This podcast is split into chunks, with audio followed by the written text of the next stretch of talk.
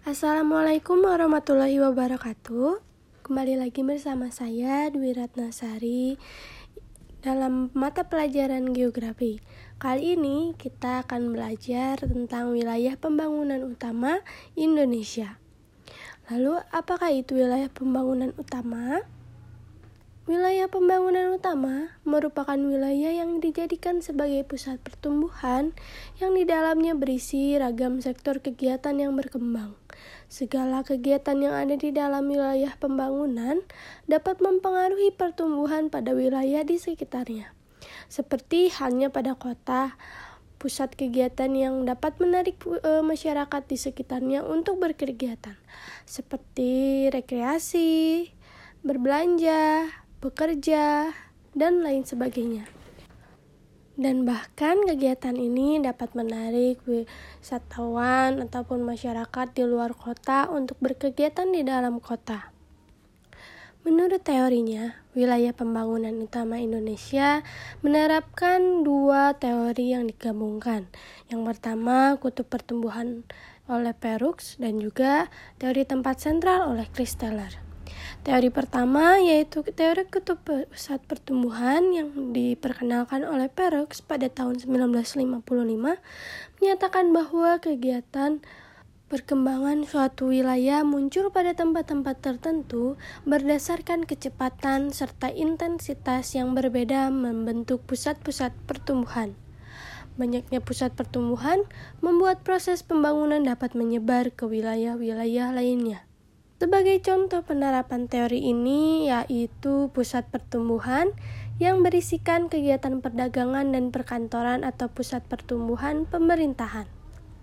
Seperti contohnya kota Bandung yang di dalamnya berisikan kegiatan perdagangan, eh, perkantoran, pemerintahan, pendidikan, yang menjadi sentral bagi wilayah-wilayah sekitarnya seperti Kabupaten Bandung, Kabupaten Bandung Barat, Kota Cimahi, dan sebagainya. Kemudian ada teori yang kedua yaitu teori tempat sentral. Teori ini diperkenalkan oleh Walter Christeller yang mengungkapkan bahwa suatu lokasi pusat kegiatan berisikan pelayanan kebutuhan penduduk berada pada suatu tempat yang sentral. Artinya satu tempat yang sentral itu berisikan satu eh, satu pusat kegiatan yang dikelilingi oleh penduduk. Tempat yang sentral ini memiliki bentuk heksagonal yang di tengah-tengahnya merupakan pusat dari kegiatan tersebut.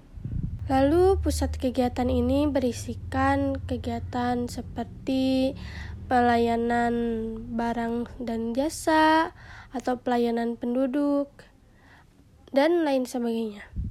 Kemudian teori ini juga memiliki tingkatan secara hierarki. Yang pertama yaitu hierarki ketiga yang merupakan pusat pelayanan pasar optimum yang menyediakan kebutuhan barang pasar bagi daerah sekitarnya. Kemudian ada hierarki keempat yaitu merupakan pusat transportasi atau lalu lintas yang menyediakan sarana dan prasarana transportasi. Kemudian hierarki ketujuh yang merupakan pusat pelayanan pemerintahan yang menyediakan pelayanan pemerintahan. Sebagai contohnya penerapan di Kota Bandung ini yaitu K3 yang merupakan pusat pelayanan pasar berada di e, Pasar Baru yang dikelilingi oleh beberapa kegiatan.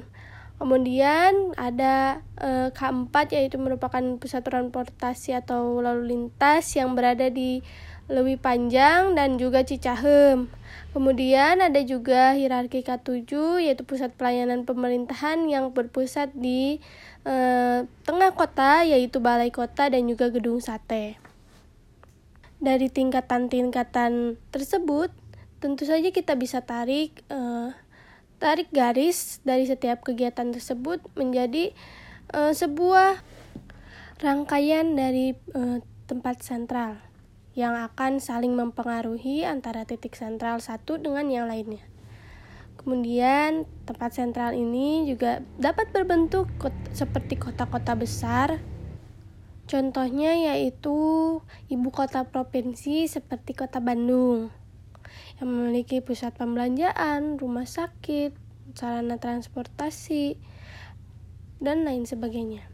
Dari kedua teori di atas, maka dapat disimpulkan bahwa wilayah pembangunan utama Indonesia berpusat pada wilayah-wilayah tertentu yang dinilai sebagai kawasan sentral, serta fungsinya sebagai penarik pertumbuhan bagi daerah di sekitarnya.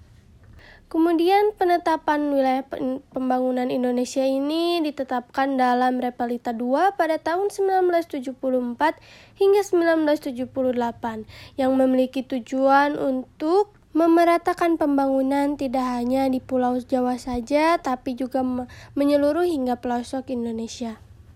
Hal ini menjadi tantangan yang cukup besar bagi Indonesia, apalagi akses menuju pulau-pulau kecil yang hanya dapat dilakukan menggunakan kapal-kapal yang kecil sehingga mempersulit dalam penyediaan barang dan jasa pada daerah-daerah tertentu sehingga dapat memicu terjadinya kesenjangan sosial dan juga ancaman bagi kestabilan negara.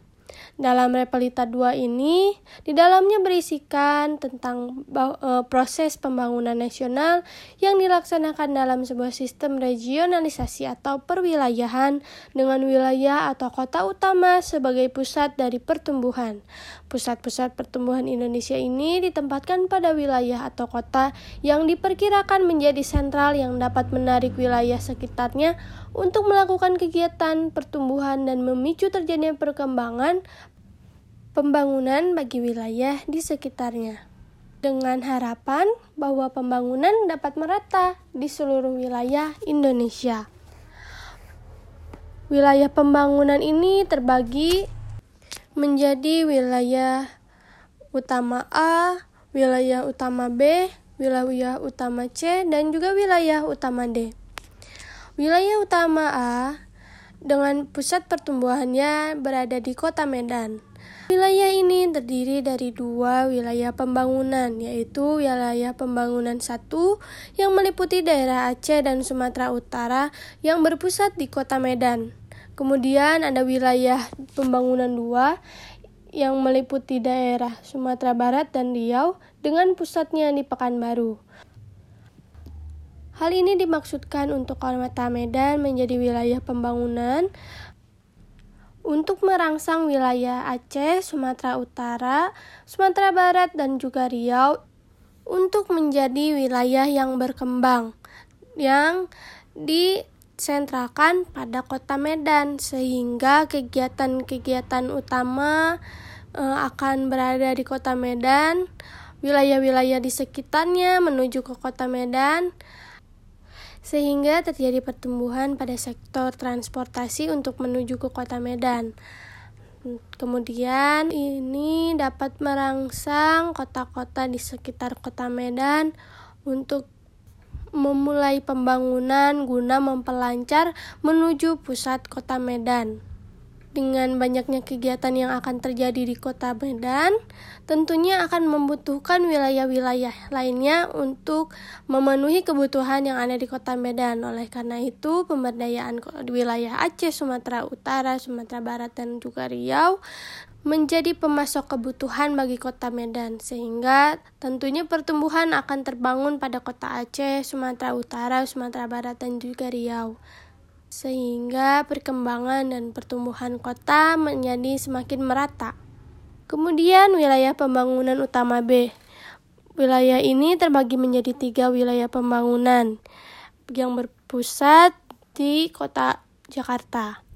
Pertama, wilayah pembangunan tiga yang meliputi wilayah Jambi, Sumatera Selatan, Bengkulu, dengan pusatnya di Palembang.